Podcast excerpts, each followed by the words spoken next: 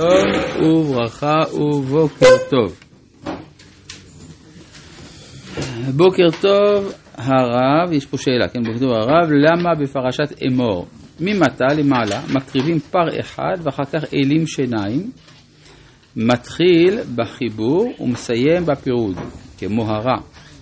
ולמה בפרשת פנחס ממעלה למטה מתחיל בפירוד ומסיים בחיבור, כמו בקדושה.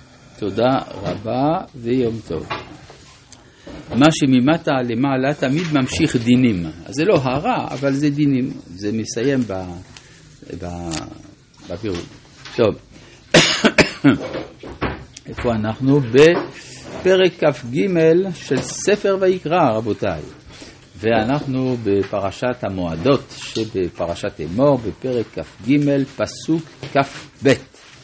ובקוצריכם את קציר ארצכם, לא תכלה פאת שדך בקוצריך, ולקט קצירך לא תלקט, לעני ולגר תעזוב אותם, אני השם אלוהיכם. לכאורה הפסוק הזה, שיש דומה לו בפרשת קדושים, איננו במקום בכלל. כן, הרי אנחנו מדברים על המועדים, ודיברנו על אה, ראש חודש, ועל, אה, לא, בעצם לא דיברנו על השבת, ועל פסח וחג המצות וחג השבועות, ואנחנו לכאורה צריכים לעבור באופן מיידי לראש השנה ויום הכיפורים. במקום זה, יש באמצע הלכה שקשורה לדיני הקציר. טוב, מובן שסך הכל, הרי זה סך הכל אחרי שמדברים על קצירת העומר והבאת מנחה חדשה אחרי חמישים יום, אז יש גם מקום לתוספת של, אה, של אה, הלכה הנוגעת להלכות פאה. אבל בכל זאת, כיוון שההלכה הזאת כבר נאמרה בפרשת קדושים, מה ראתה התורה צורך להדגיש את זה כאן? אלא נראה שזה שייך לזמן שבין חג השבועות לבין ראש השנה. חג השבועות זה סך הכל אופטימי. קיבלנו את התורה, הבאנו מנחה חדשה, יום ביקורים נפלא.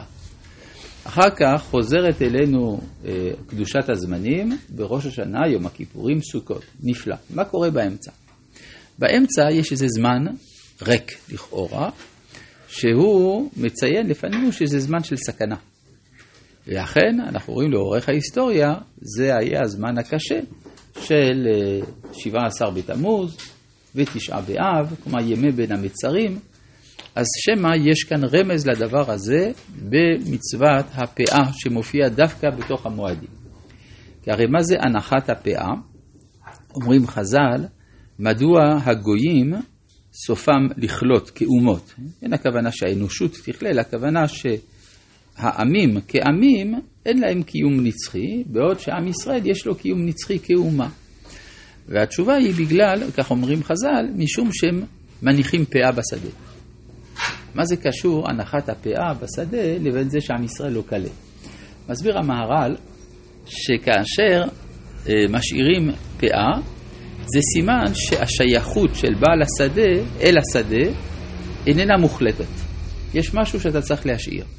וזאת למה?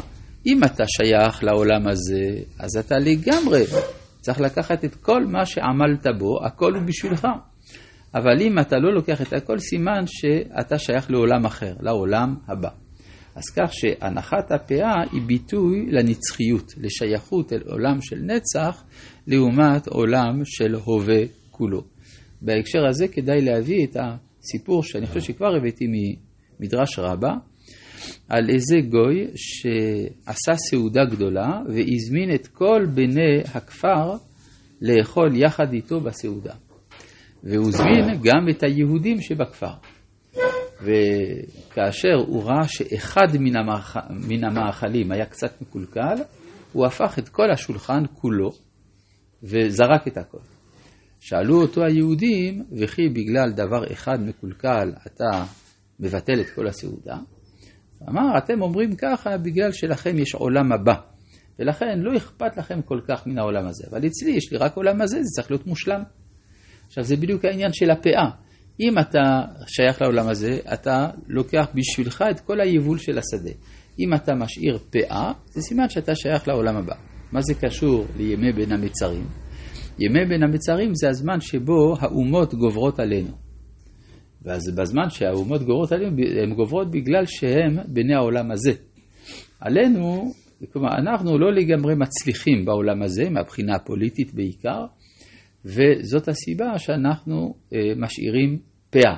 כלומר, זה מצוין בעובדה שאנחנו משאירים פאה, ולכן כאן אני חושב שהתורה רמזה במקום הזה לזה שאנחנו לא יכולים אה, לגמרי ליהנות מן העולם הזה, וזה בימי בין המצרים. מה? מה? האם לעתיד לבוא תתבטל הפאה? לא יודע. טוב, בעולם הבא, לעתיד לבוא, הרי מצוות עתידות להיבטל גם, אז זה בסדר. אז ייתכן גם שנאכל את הפאה. אגב, מעניין שבתקופה הזאת, זה היה הזמן של גירוש קטיף, שבו אה, קלטה הפאה של ארץ ישראל, כן, זה בפאה. אז יכול להיות שיש גם רמז בדבר הזה. זה גם הלשון של המקרא, של לא תכלה. לא תכלה, שלא יקילהו, כן, כן, בדיוק. על זה נאמר, ובך לא אעשה כלה. כן, כי אעשה כלה בכל הגויים, ובך לא אעשה כלה. מה עם הרב, סילק את השכחה? מה, השכחה פה לא מוזכרת. מה? לא, לא, מוזכר כאן רק, אה, כן, כן, לקט ופאה. שכחה לא מוזכרת. זה מוזכר בפרשת קדושים. למה לקט אבל כן? למה הלקט מוזכר ולא מוזכרת השכחה? וואלה, זו שאלה נפלאה. התשובה היא, אינני יודע. צריך להשאיר משהו. טוב, אה, פסוק כ"ג: וידבר השם אל משה לאמור. דבר אל בני ישראל לאמור, בחודש השביעי, באחד לחודש, יהיה לכם שבתון, זיכרון תרועה, מקרא קודש. זה דבר מעניין. זה הפעם הראשונה בתורה שמוזכר ראש השנה. כן? שלושת הרגלים מוזכרים כבר בפרשת משפטים. שלוש רגלים תחוג לי בשנה, וגם בפרשת כי תישא. וגם יום הכיפורים מוזכר בסוף פרשת תצווה. כן? וכיפר עליו אהרון אחת בשנה מדם חטאת הכיפורים. לא מוזכר יום הכיפורים, אבל כתוב דם חטאת הכיפורים. זה מוזכר. גם בפרשת החרמות ראינו יום הכיפורים. לעומת זה, ראש השנה, פעם ראשונה. לא היה ראש השנה עד עכשיו. אבל לכאורה זה מתבקש, כי הרי אם יש אה, תחילה לשנה, אז צריך גם לציין את זה. אלא שהתורה העלימה את זה כאשר היא החליטה, כי היא לימדה אותנו להעביר את תחילת השנה אל חודש ניסן. החודש הזה לכם ראש חודשים. ומה עם הראש חודשים שהיה מקודם? הרי ברור שאם התורה מצווה מכאן ואילך ניסן הוא ראש השנה, סימן שהיה יום אחר לפני זה. מה היה לפני זה? היה תשרה.